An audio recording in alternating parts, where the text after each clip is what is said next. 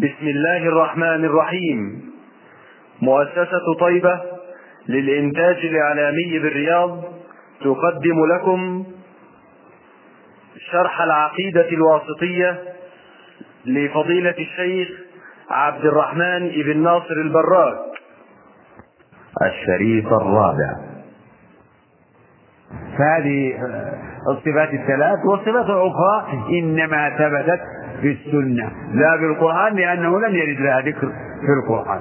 فالضحك والفرح والنزول هذه دلت عليها السنن الصحيحة والأحاديث الصحيحة. وما فلا فليس لأحد أن يقول إن هذا إنما جاء في الأحاديث. وأهل الباطل نفاة الصفات يردون كثيرا من الأحاديث بحجة أنها آحاد.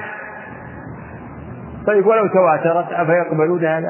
لأنهم لم يقبلوا نصوص يعني لم يقبلوا نصوص القرآن الثابت بالضرورة الذي هم لا ينازعون في ثبوته فأهل الباطل ما استطاعوا ما قدروا على رده ردوه بشبهات وما لم يقدروا على رده حرفوه.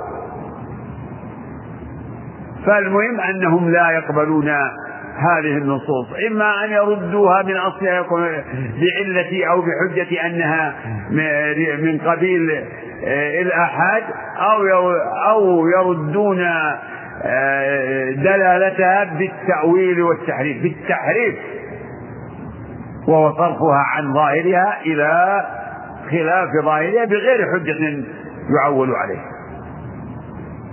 فهذه إشارة إلى ما أورده الشيخ من الأحاديث من أحاديث الصفات وكل ذلك على سبيل التمثيل. وأحاديث الصفات كثيرة كما أن آيات الصفات كثيرة.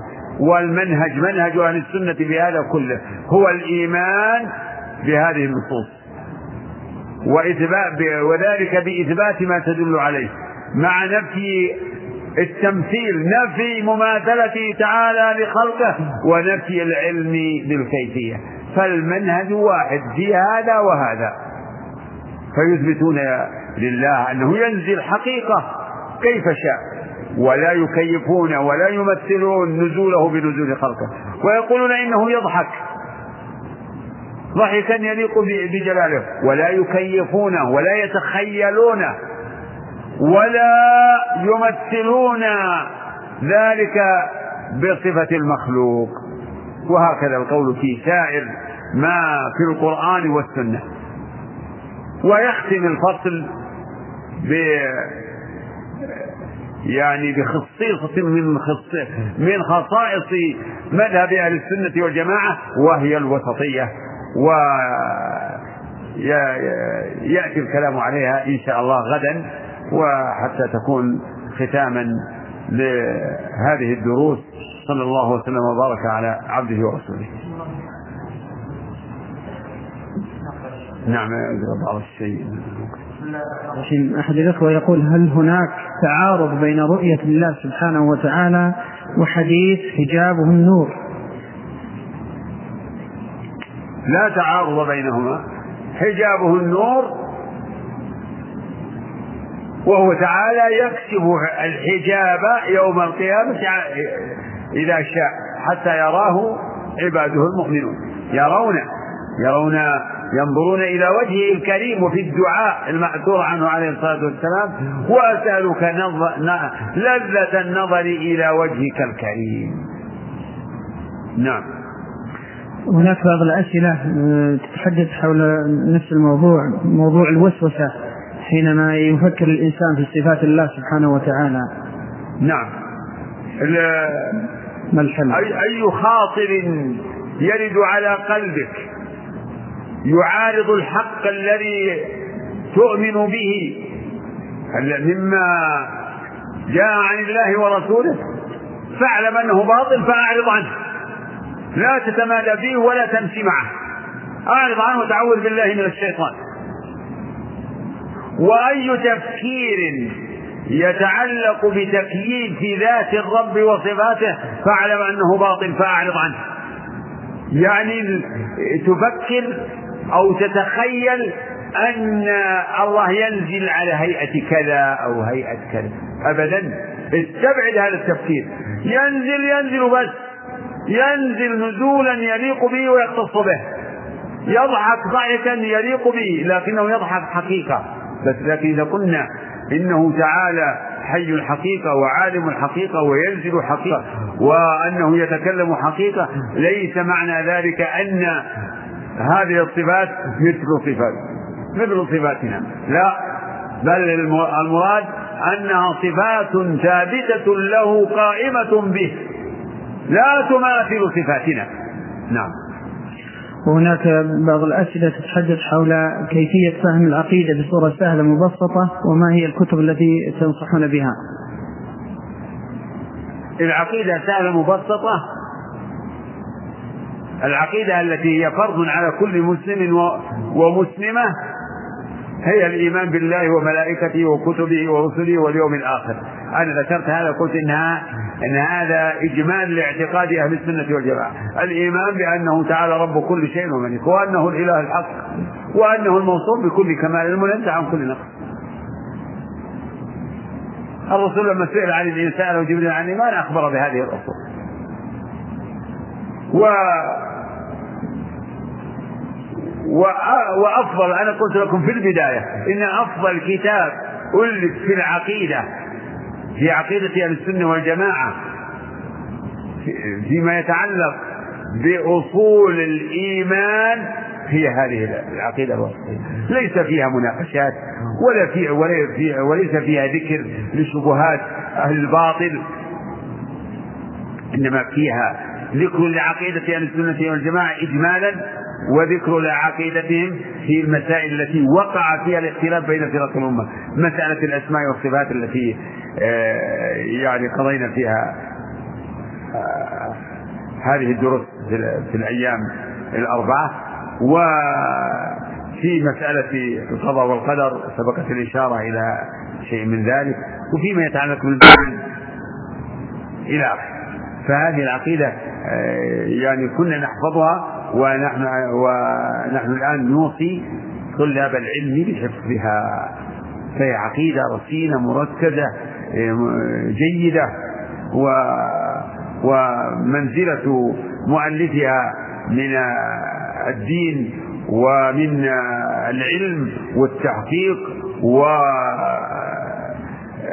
والتأصيل والعلاقة بالسلف الصالح منزلته في ذلك كله معروف.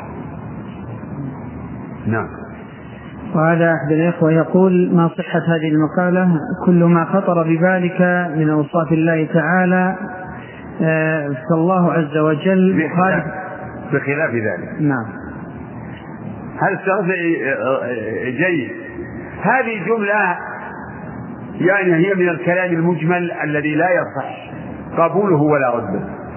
ما يصلح أن نقول بهذا الإطلاق. كل ما خطر ببالك فالله بخلاف ذلك. هل هذا صحيح؟ بإطلاق نعم أنا يخطر ببالي أنه تعالى فوق فوق السماوات. وأؤمن بهذا ما هو خطور فقط. أؤمن بأنه فوق فوق السماوات مستو على عرشه. يخطر ببالي وأؤمن بأنه ينزل. يخطر ببالي وأؤمن بأن له وجه وأن له عينين.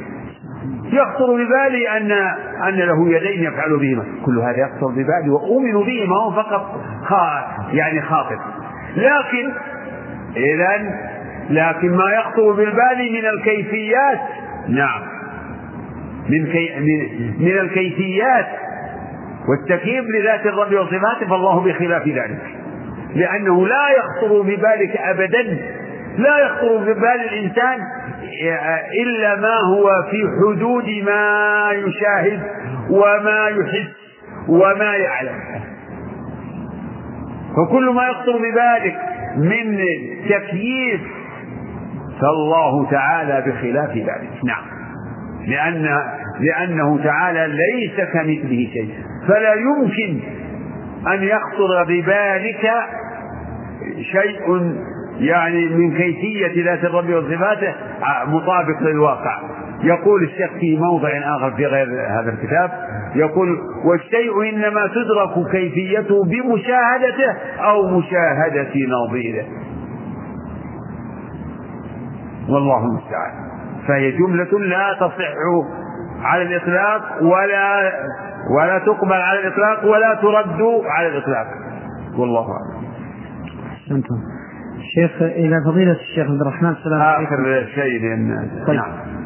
السلام عليكم ورحمة الله تعالى وبركاته. وبعد هل من عقيدة أهل السنة والجماعة أن الله تعالى مستوى على عرشه بذاته؟ فإن قالوا ذلك ألا ترى أن ذلك يقتضي أن الله تعالى محدود؟ بينوا لنا الحق ووفقنا الله وإياكم.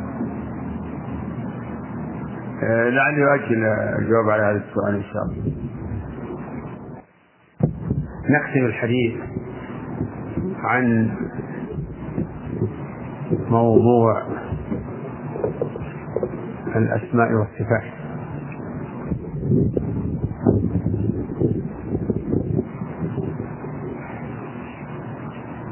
تقدم أن الشيخ ذكر عقيدة أهل السنة اعتقاد أهل السنة والجماعة إجمالا بين أنها هي أصول الإيمان الستة. وذكر أنه يدخل في الإيمان بالله وكتبه ورسله الإيمان بما وصف به نفسه. وما وصفه به رسوله عليه الصلاة والسلام. وفصل القول في ذلك. فذكر الحق المذهب الحق في هذا الباب في باب الأسماء والصفات. وذكر القاعدة الثابتة في الكتاب والسنة. وهي أن الله موصوف بالإثبات والنفي. وذكر كثيرا من الأدلة القرآنية والنبوية على هذه القاعدة أن الله موصوف بالإثبات والنفي. فذكر آيات كثيرة تضمنت ذكر صفات يجب إثباتها له ذكر أسماء و... و... وآيات كثيرة تضمنت تنزيه الله تعالى عن النقائص والعيوب. وذكر أحاديث كذلك تضمنت إثبات صفاته سبحانه وتعالى. وختم هذا ببيان أن مذهب أن الفرقة الناجية وسط في فرق الأمة. يقول كما أن هذه الأمة وسط في الأمم. كنتم خير أمة أخرجت للناس. يقول تعالى وكذلك جعلناكم أمة وسطا لتكونوا شهداء على فالفرقة الناجية المنصورة وسط في فرق الأمة. كما أن هذه الأمة وسط في الأمم.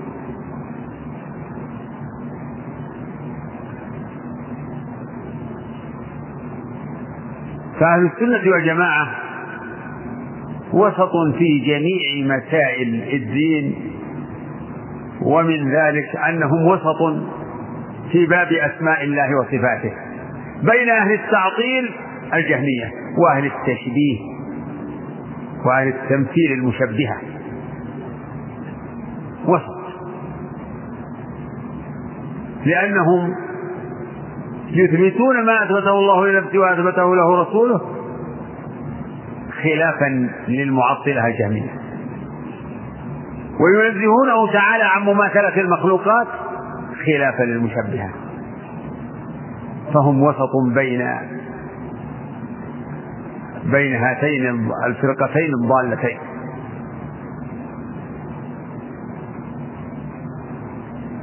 يقول الشيخ وهم وسط أيضا في أفعال الله بين الجبرية والقدرية. فالقدرية يقولون إن جميع أفعال العباد هي أفعال لله. أفعال لله. يعني فالعبد لا فعل له. ولا فعل لأي مخلوق. ومضمون قولهم أنه لا فعل لأحد من الخلق. لا يعني لا الملائكة ولا الإنس ولا الجن ولا غيره. والعباد كلهم مجبورون على أفعالهم كما سبقت الإشارة فلا إرادة ولا قدرة ولا مشيئة ولا اختيار. والقدرية ينفون القدر ويخرجون أفعال العباد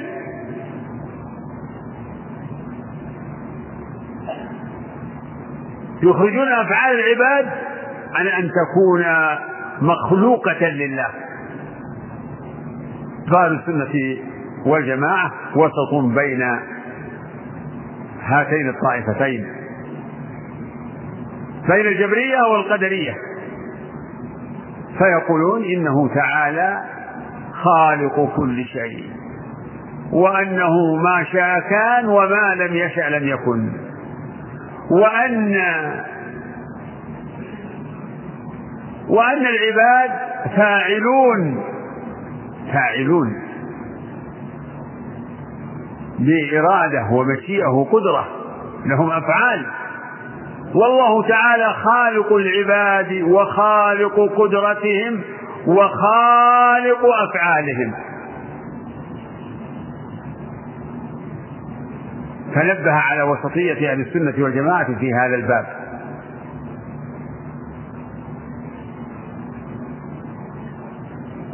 وإن كان قد ذكر رحمه الله أصل القدر في فصل آخر في فصل الإيمان باليوم الآخر أردفه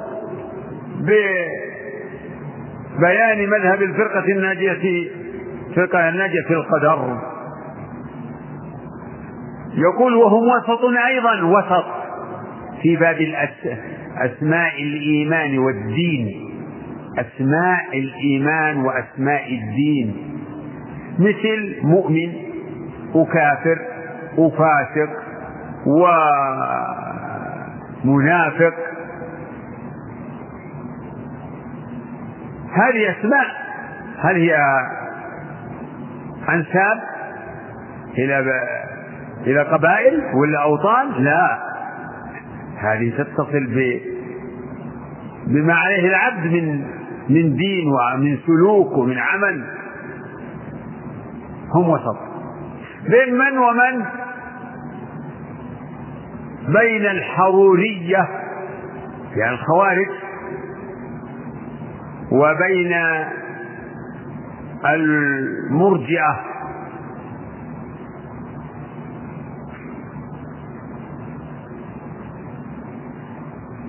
فالخوارج يكفرون بالذنوب. يقولون إن مرتكب الكبيرة كافر. وإذا مات على ذلك فهو مخلد في النار. هذا هو مذهب الخوارج. والمرجئة الغلاة يقولون إن الإيمان هو مجرد التصديق وأنه لا يضر مع مع هذا الإيمان لا يضر مع الإيمان ذنب كما لا ينفع مع الكفر طاعة. وأهل السنة والجماعة وسط بين هاتين الطائفتين في باب الأسماء والدين. فالخوارج الفاسق عندهم كافر يعني المرتكب الكبيرة كافر. وعند المرجئة مؤمن كامل الإيمان. وعند أهل السنة وسط. يقولون إنه مؤمن بإيمانه فاسق بكبيرته. أو يقولون مؤمن ناقص الإيمان. فلا يسلبون عنه فلا يعطونه الاسم المطلق ولا يسلبونه مطلق الاسم. يعني لا يعطونه صفة الإيمان الكامل ولا يسلبون عنه أصل الإيمان. فلا يعطى الاسم المطلق ولا يسلب مطلق الاسم يعني اسم الإيمان. فهم وسط بين بين الحرورية من الخوارج والمرجئة وهم وسط في أصحاب رسول الله صلى الله عليه وسلم. بين الرافضة والخوارج. الرافضة الذين يغلون في أهل البيت. يصفون علي رضي الله عنه و والأئمة من ذريته أئمة عند الرافضة يصفونهم بالعصمة ويفضلون عليا على أبي بكر وعمر ويبغضون سائر الصحابة أو يفسقونهم أو يكفرونهم.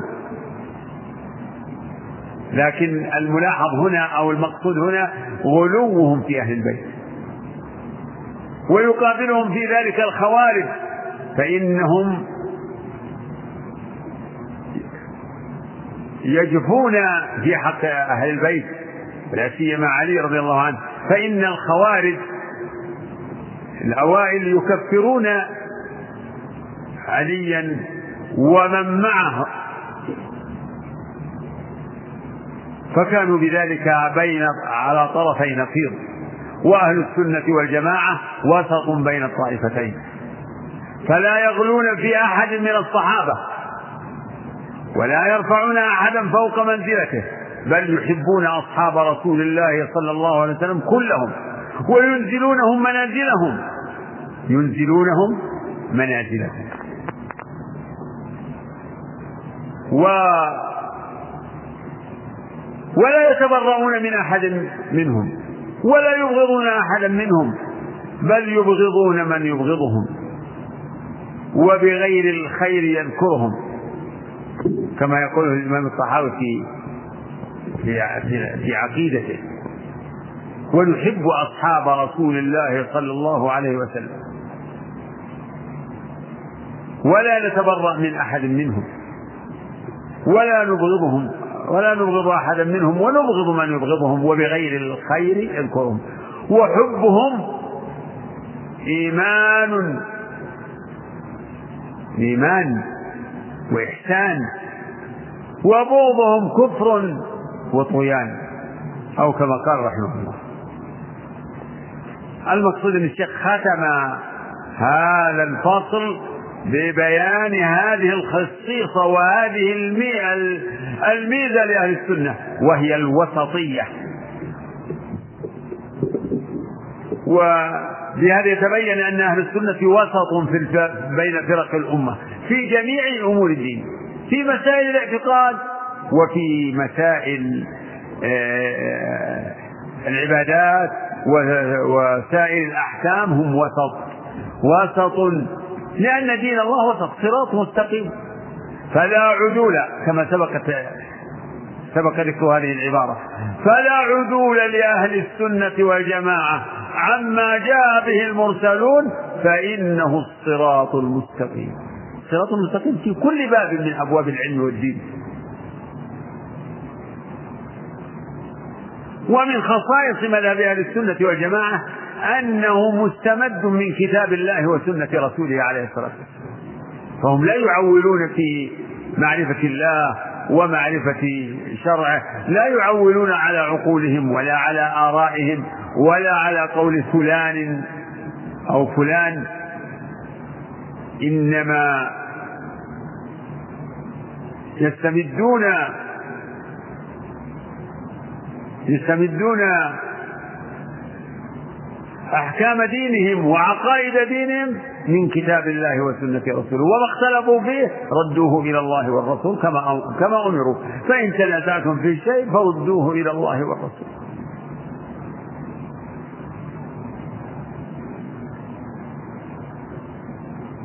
ومن خصائص أن مذهب أهل السنة والجماعة مع أنه متلقى عن الله ورسوله فإنه الذي تشهد به العقول والفطر. هو الموافق للعقل والفطرة. أما الأقوال المنحرفة والمذاهب المنحرفة فإنها تناقض الفطر السليمة والعقول المستقيمة. وإن زعم, زعم أهلها أنهم يعولون في أقوالهم على دلالات العقل. فما هي فما يستدلون به ليس في الحقيقة من العقل في شيء. فهم مخالفون للعقل والنقل. وأهل السنة مذهبهم هو الذي يقتضيه العقل وهو الذي دل عليه السمع والشرع.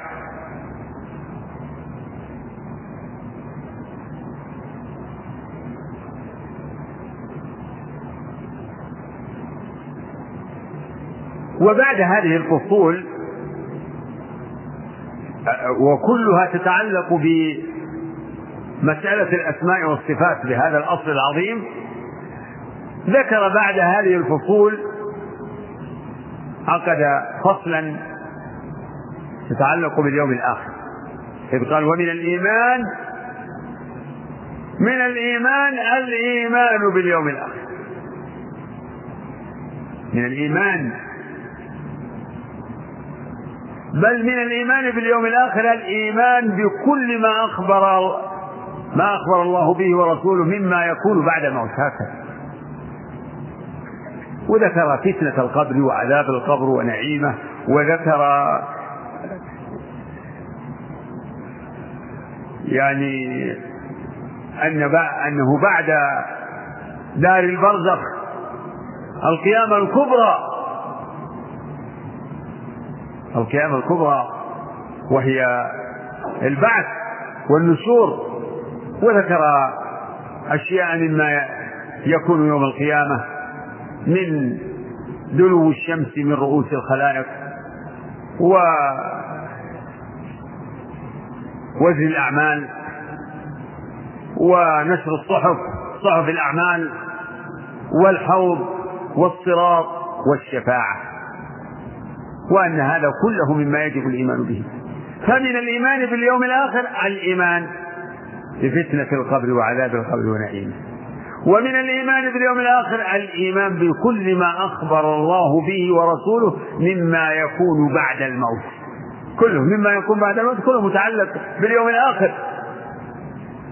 لأنه بالموت يفارق الإنسان الدنيا وينتقل إلى الدار الآخرة.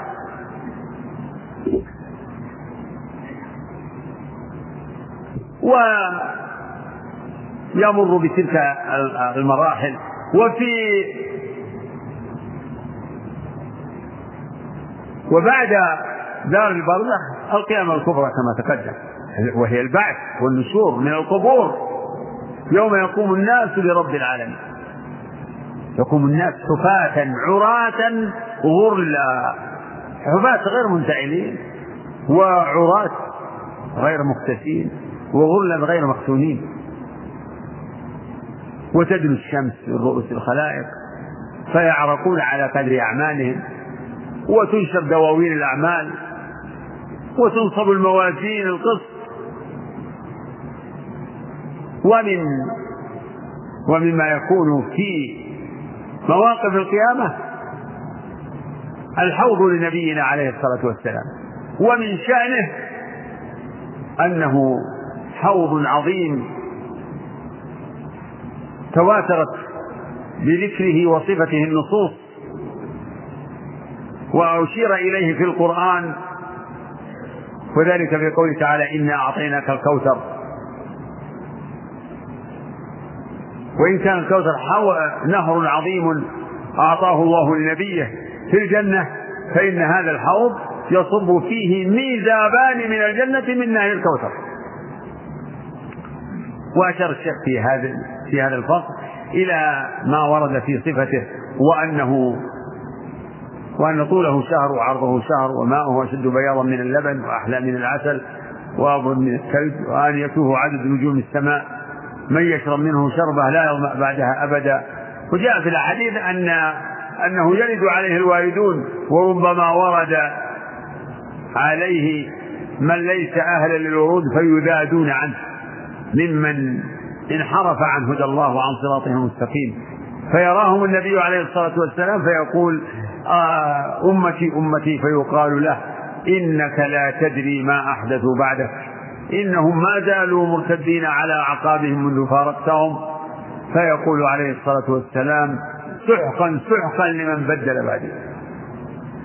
ومما يكون يوم القيامة الصراط وهو جسر منصوب على متن جهنم.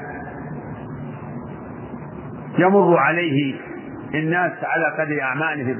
منهم من يمر كالبرق ومنهم من يمر كلمح البصر ومنهم من من فضلك اقلب الشريط.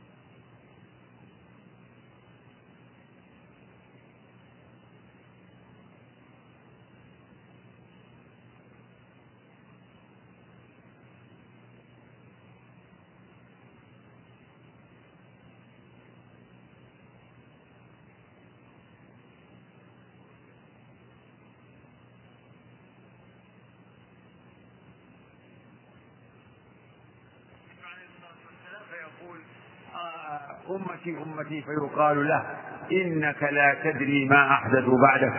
إنهم ما زالوا مرتدين على أعقابهم منذ فارقتهم. فيقول عليه الصلاة والسلام سحقا سحقا لمن بدل بعدي ومما يكون يوم القيامة الصراط وهو جسر منصوب على متن جهنم.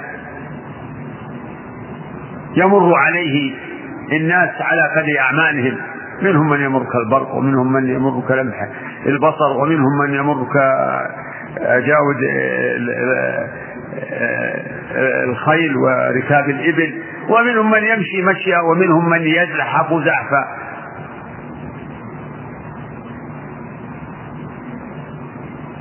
وعلى الصراط كلاليب تخطف الناس بأعمالهم. فناج مسلم ومقدوس في النار. وبعد هذا الصراط قنطرة يوقف عليها المؤمنون. من تجاوز الصراط فإنهم يوقفون على قنطرة. فيقتص لبعض المؤمنين من بعض. هذا القصاص بين الإخوة بين الأحباب. يقول كما جاء في الحديث فإذا هذبوا. الشيخ ذكر معاني الأحاديث ولم يسقها فإذا هذبوا ونقوا أذن لهم بدخول الجنة. ومما يكون يوم القيامة وأشار الشيخ إلى أن أول من يدخل الجنة نبينا محمد صلى الله عليه وسلم وأول من يدخل من يدخل من الأمم أمته وهذه من الفضائل لنبينا ولأمته صلى الله عليه وسلم. ومما يجب الإيمان به مما يكون يوم القيامة الشفاعة. ومن الشفاعة شفاعة النبي عليه الصلاة والسلام ولنبينا شفاعات. شفاعات خاصة به وشفاعة وهناك شفاعات أو شفاعة مشتركة. فمن الشفاعات الخاصة شفاعته عليه الصلاة والسلام في أهل الموقف أن يقضى بينهم. وهي المقام المحمود. وهي التي ورد فيها وردت فيها الأحاديث الكثيرة المستفيضة التي فيها أن الناس يأتون إلى آدم فنوح فإبراهيم فموسى فعيسى فتنتهي النوبة إلى نبينا عليه الصلاة والسلام فيقول أنا لها. فيذهب ويستأذن على ربه ويسجد ويفتح الله عليه بمحامد فيقال له ارفع رأسك وقل يسمع وسل تعطى واسترشد ومن الشفاعة الخاصة به شفاعته في أهل الجنة أن يدخلوا الجنة. كذلك فلا يدخلون حتى يشفع لهم عليه الصلاة والسلام. وفي كل ذلك إظهار لفضله في ذلك في ذلك الموقف العظيم والجمع العظيم. إظهار لفضله عليه الصلاة والسلام.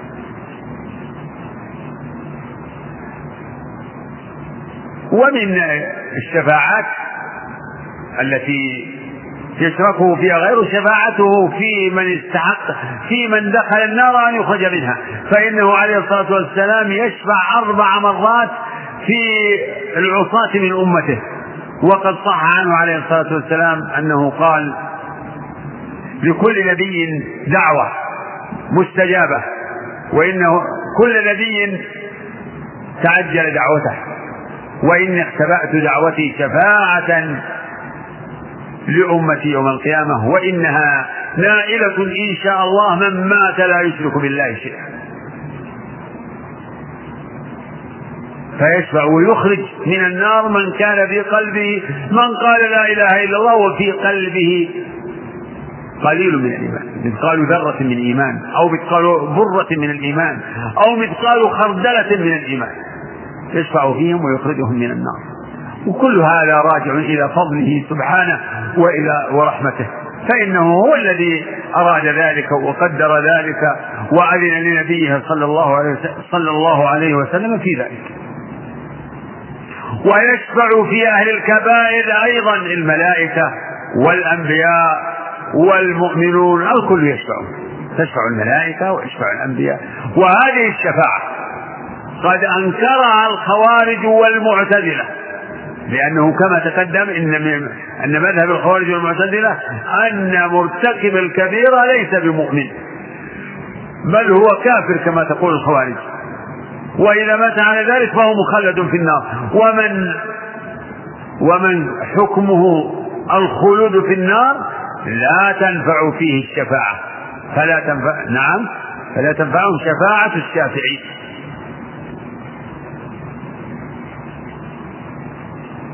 فهذه الشفاعة هي التي ينكرها الخوارج والمعتزلة ويقر بها أهل السنة.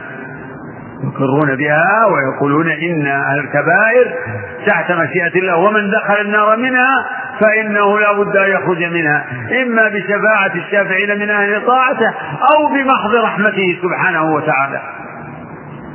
والكل من فضله وعطائه وإحسانه على من؟ على عباده. وأقترح أن نقرأ مقطعين فقط لنختم هذه الجلسة. المقطع الأول آخر الفصل يا منصور. آخر الفصل الأول الذي فيه التنبيه على الوسطية. ثم آخر الفصل فصل الإيمان باليوم الآخر. ما هو بآخر مرة؟ قبل الكلام في القدر.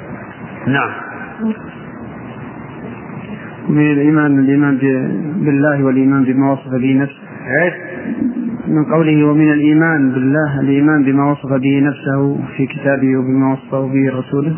لا لا, هذا في الأول. نعم. لا لا في الآخر آخر. فصل السنة تفسر القرآن آخر. بعد حديث الرؤيا. هذا.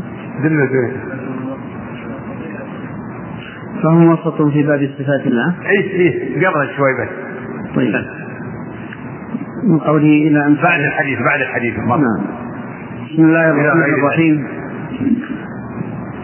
قال الشيخ رحمه الله تعالى إلى أمثال هذه الأحاديث التي يخبر فيها رسول الله صلى الله عليه وسلم عن ربه بما يخبر به نعم. بما يخبر به.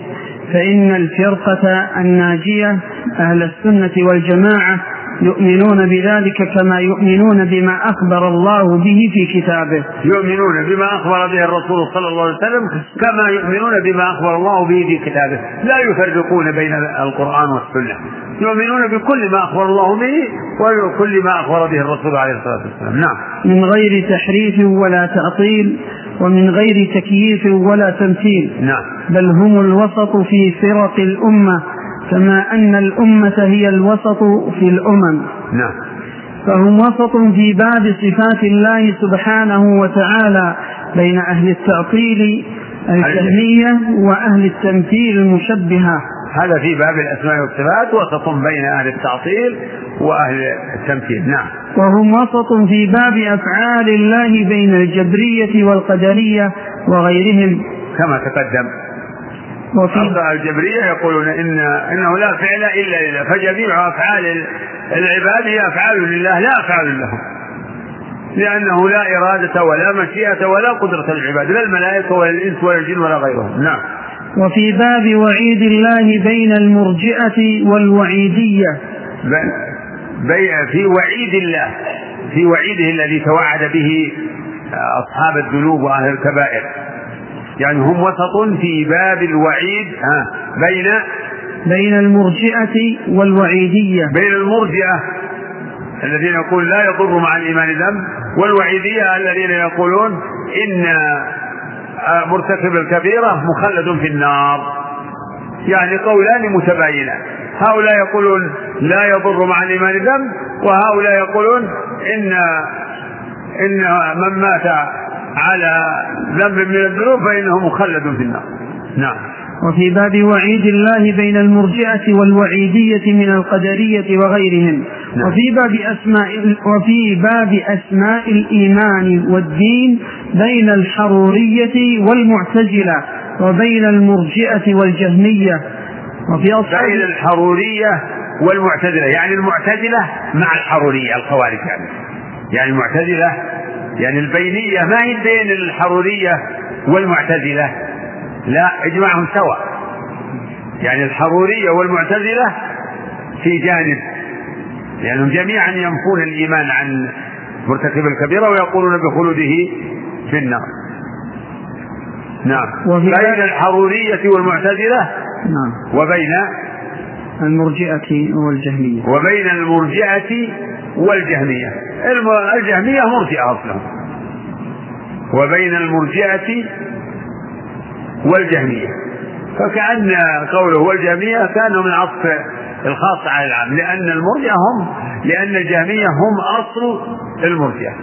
وقد تكون العبارة بين الحرورية والمعتزلة وبين المرجئة الجهمية. احتمل أن تكون العبارة كذا. لأن هذه الطبعات لا يوثق بها. تراجع نعم. وفي باب أسماء الإيمان والدين بين الحرورية والمعتزلة وبين المرجئة والجهمية. نعم. وفي أصحاب رسول الله صلى الله عليه وسلم بين الرافضة والخوارج. أحسن شوف آه، فصل في الإيمان باليوم الآخر فصل ومن الإيمان باليوم الآخر الإيمان بكل ما أخبر الله به مما يكون بعد الموت في آخر. الكلام على ما يتعلق باليوم الآخر ومن الإيمان باليوم الآخر الإيمان بكل ما أخبر به النبي صلى الله عليه وسلم مما يكون بعد الموت إيه، تجاوز تجاوز جملة يعني ما نعم. فأما الفتنة تجاوز تجاوز إلى ذكر الشفاعة بس طيب. إلى ذكر الشفاعة. وأول من يدخل الجنة وأول من يدخل الجنة. بعد ذكر الصراط. بعد قول فإذا هذبوا ونقوا أذن لهم بدخول الجنة. وأول من آه، بعد الصراط يا إيه إيه بعد. فمن مر على الصراط دخل الجنة. نعم من مر على الصراط دخل الجنة. فمن, فمن مر على الصراط دخل الجنة. نعم. فإذا عبروا عليه وقفوا على قنطرة وقفوا. وقفوا على قنطرة بين الجنة والنار. نعم. فيقتص لبعضهم من بعض. نعم. فإذا هذبوا ونقوا أذن لهم في دخول الجنة. الله وأول من يست... وأول من يستفتح باب الجنة محمد صلى الله عليه وسلم. نعم. وأول من يدخل الجنة من الأمم أمته. نعم. وله صلى الله عليه وسلم في القيامة ثلاث شفاعات. نعم. أما الشفاعة الأولى فيشفع في أهل الموقف حتى يقضى بينهم بعد أن يتراجع الأنبياء آدم ونوح وإبراهيم وموسى وعيسى بن مريم عن الشفاعة حتى تنتهي إليه. وأما الشفاعة الثانية فيشفع في أهل الجنة أن يدخلوا الجنة وهاتان الشفاعتان خاصتان له. خاصتان له لا يشركه فيهما غيره من الأنبياء. نعم. وأما الشفاعة الثالثة فيشفع في من في من استحق النار وهذه الشفاعة له ولسائر النبيين والصديقين وغيرهم فيشفع في من استحق النار أن لا يدخلها ويشفع في من دخلها أن يخرج منها. نعم. ويخرج الله من النار أقواما بغير شفاعة بل بفضله ورحمته ويبقى في الجنة فضل فضل عمن دخلها من أهل الدنيا فينشئ الله لها أقواما فيدخلهم الجنة. وأصناف ما تضمنته الدار الآخرة. وهذا ثبت في الص- في الصحيح أنه يبقى في الجنة فضل. وجاء في لفظ آه، أنه يبقى في النار فضل فينشئ الله لها أقوام فيدخلهم. ولكن نبه أئمة الحديث على أن هذا الحديث مقلوب وأنه غلط وأن ال- الصحيح أن الجنة هي التي يبقى فيها فضل وأن الله ينشئ لها أقواما فيدخلهم الجنة بمحض آه، فضله ورحمته. وأما النار فلا تزال يلقى فيها وهي تقول هل من مزيد حتى يضع رب العزة فيها رجله فيلزوي بعضها على بعض فتقول قط قط كما تقدم ذكر الحديث في ذلك. نعم. وأصناف ما تضمنته الدار الآخرة من الحساب والثواب والعقاب والجنة والنار وتفاصيل ذلك مذكورة في الكتب المنزلة من السماء والآثار من العلم المأثور عن الأنبياء وفي العلم الموروث عن محمد صلى الله عليه وسلم من ذلك ما يشفي ويكفي فمن ابتغاه وجده. نعم. أصناف ما يكون يوم القيامة من الثواب والعقاب والحساب والجنة والنار. كل هذا مأثور عن الأنبياء و وأعظم ذلك ما جاء عن نبينا عليه الصلاة والسلام. ولهذا يقول الشيخ وفي المأثور عن عن محمد صلى الله عليه وسلم من ذلك ما يشفي ويكفي. ويغني عما آه، يعني جاء به الأنبياء المتقدمون. فلسنا في حاجة إلى أن نرجع إلى ما يروى من الآثار عن الأنبياء الماضين لكن لا مانع من آه، الوقوف على شيء من ذلك. من منطلق حدثوا عن بني إسرائيل ولا حرج. وقد إلا ما ثبت في الروايات الصحيحة والنقل الصحيح أن الأنبياء أخبروا أخبروا به فإنه يجب الإيمان به. فما قام الدليل على صدقه صدقناه وما قام الدليل على كذبه رددناه. وما لم يقم على ذلك على صدق ولا كذب دليل توقفنا فيه وأمسكنا عنه. أعد هذه الفقرة وأصناف نعم. ما تضمنته الدار الآخرة نعم. وأصناف ما تضمنته الدار الآخرة من الكتاب والثواب والعقاب والجنة والنار. نعم. وتفاصيل ذلك مذكورة في الكتب المنزلة من السماء. نعم. والآثار من العلم المأثور عن الأنبياء وفي العلم الموروث عن محمد صلى الله عليه وسلم من ذلك ما يشفي ويكفي. الله. فمن ابتغاه وجده. فمن ابتغاه وجده. اقرأوا القرآن. اقرأوا القرآن واقرأوا السنة والأحاديث. ماذا تجدون فيها من الحديث والكلام وتفاصيل ما يكون يوم القيامة؟ اقرأ صور صور بكمالها فيها الكلام عن الآخرة. صور صور من أولها إلى آخرها. القارعة ثم القارعة. إذا زلزلت الأرض زلزالها. لا أقسم بيوم القيامة. إذا وقعت الواقعة. إذا وقعت الواقعة. كلها من أولها إلى آخرها في شأن القيامة. كلها من أولها إلى آخرها. الحاقة ما الحاقة. اقرأوا تأملوا ما في القرآن من الكلام عن اليوم الآخر. نجد الشيء الكثير تفصيل.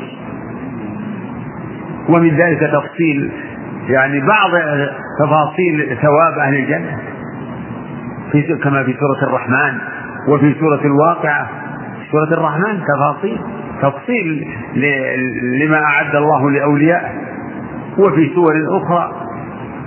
والحديث في هذا واسع وطويل وميدان فسيح نسأله سبحانه وتعالى أن يعلمنا ما ينفعنا وأن ينفعنا بما علمنا بما علمنا وأن لا يجعل ما علمنا علينا وبالا وأن لا يجعل ما علمنا حجة علينا. صلى الله وسلم وبارك على عبده حياكم الله. نعم. هذا سائل يسأل هذا سؤالك اللي أمس يمكن سؤال ما أدري عندك سؤال أمس أجلناه أو أوضح ما أذكر هو معي ولا ها؟ ما أذكر هو معي في الكتاب إيه خلوه. هذا اللي طيب. يقول ما معنى الكسب عند الأشاعرة وطفرة النظام؟ آه ما نعم. الكسب عند الأشعري يقولون يقولون أفعال العباد خلق لله وكسب العبد. فعل العبد خلق لله وكسب من العبد فمذهبهم بين مذهب الجبرية ومذهب القدرية بين بين هم دائما مذهب الأشاعرة فيه تذبذب وتلفيق. مذهب الأشاعرة يقوم على التلفيق لأنه بين بين يعني في تأرجح. كما في مسألة الكلام وفي مسألة الرؤيا وفي مسألة آه، يعني الصفات وهكذا في آه، في مسألة أفعال العباد. فالكسب عندهم هو مقارنة الفعل للقدرة الحادثة. مقارنة الفعل للقدرة الحادثة. قدرة العبد حادثة. مخلوقة لله ما ليست مخلوقة حادثة؟ وفعلهم وفعل العبد. يقولون إنه مقارن للقدرة. مقارن للقدرة. إذا فعل الإنسان فعلا أليست أليس فعله هذا مقارن للقدرة؟ مقارن. هل تكون يعني هل يكون الفعل هل تكون القدرة التي تم بها الفعل إلا مع الفعل؟ طيب. ما معنى هذا؟ يقولون إن القدرة لا تأثير لها ولا أثر لها في حصول الفعل. لا علاقة بين القدرة والفعل إلا المقارنة اقتران. وهذا يرجع إلى أصل فاسد عندهم وهو أن العلاقة بين الأسباب والمسببات هو الاقتران. فلا علاقة بين الأكل والشبع إلا المقارنة ولا علاقة بين الإحراق والاحتراق إلا الاقتران. يعني النار لا تحرق بنا يعني لا تحرق بذاتها وليس فيها قوة لكن إذا اتصلت بالشيء احترق. فالعلاقة بين السبب والمسبب هو هي المصاحبة والمقارنة. ولهذا يقولون إن الله يخلق عند الأسباب لا بالأسباب. هذا معنى كسب الأشعري يرجع إلى هذا الأصل الفاسد وهو قولهم ومذهبهم في الأسباب. وأما طرفة النظام فيزعمون يذكرون إن النظام يقول إن العرض لا يقول لا يبقى زمانين. ومعنى هذا إن اللون والطول والاجتماع وكذا هذه أعراض فلا تبقى زمانين. فإذا نظرت إلى إنسان فطوله واجتماع أجزائه ولونه هذا يزول باللحظة. فما تراه في هذه اللحظة غير ما رأيته في اللحظة السابقة. فالعرب لا يبقى زمانين. فيعني هذا أن ما تراه هذه اللحظة آه يعني يذهب وما تراه في اللحظة التي بعدها هو غير ما رأيته في اللحظة السابقة. وهذا من الهوس. هوس العقول. نعم غير. هل المحسن من أسماء الله؟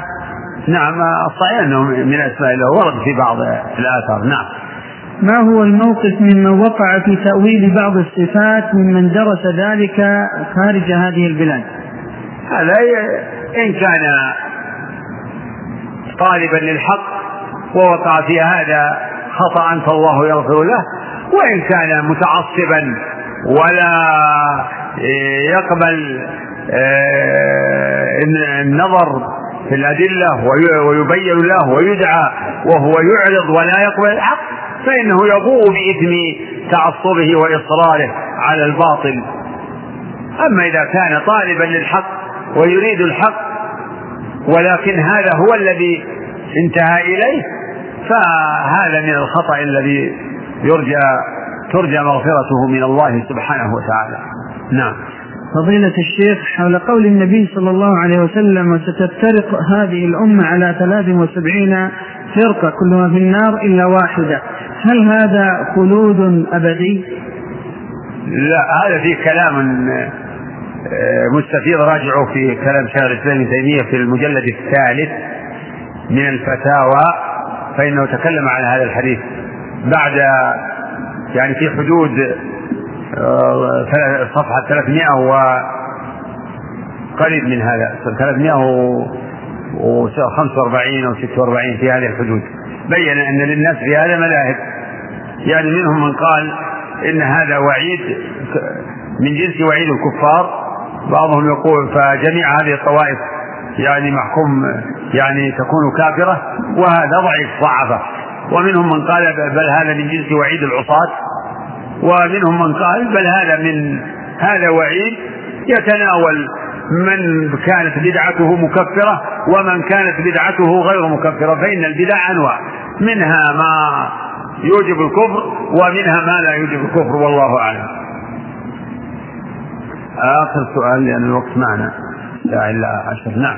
فضيلة الشيخ ما رأيكم فيما انتشر في الآونة الأخيرة من أشرطة آه، تسرد سردا تاريخيا ما جرى بين الصحابة رضوان الله تعالى عليهم؟ لا هذه الأشرطة التي فيها عرض لما جرى بين الصحابة من خلاف ومن حروب ومن فتن هذه هذه الأشرطة لا يجوز ترويجها ولا بيعها ولا شراؤها. ولا ينبغي يعني أن يستمع لها من لا من لم ترسخ في نفسه يعني من لم يرسخ في نفسه مذهب أهل السنة والجماعة في هذا الشأن. فالذي سجلها قد أخطأ هداه الله قد أخطأ لأن الأشرطة يتناولها الصغار والكبار فهي فهي تسبب إغار صدور جهال المسلمين على أصحاب رسول الله صلى الله عليه وسلم. والصحابة بشر ليسوا بمعصومين وفي نفس هذه العقيدة التي آه، عرضنا لكثير مما تضمنته فيه ذكر مذهب أهل السنة والجماعة فيما شجر بين الصحابة بكلام رصين ويقول مما يقوله شيخ الإسلام رحمه الله أن ما ما يروى في ذلك مما شجر من بين الصحابة وما يروى من في مساوي الصحابة منه ما هو كذب.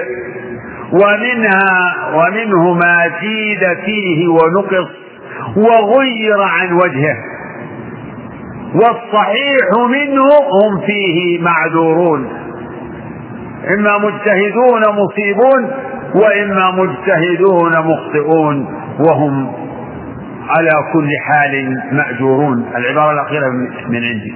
والله أعلم. صلى الله وسلم على وسلم. إذا كان هناك الشيخ كلمة أخيرة في ختام هذا الدرس نفع الله بعلمكم. على كل حال آه، هذه فكرة مباركة وهي قضية هذه يعني ترتيب هذه اللقاءات وهذه الدروس والذي أوصي به الإخوة أن يجتهدوا ويهتموا وأن يواصلوا آه، التعلم. فالعلم الشرعي نور. العلم الشرعي نور. أن العلم المستمد من كتاب الله وسنة رسوله نور. الله سماه نورا. فالذين فآمنوا بالله ورسوله هو النور الذي أنزلنا.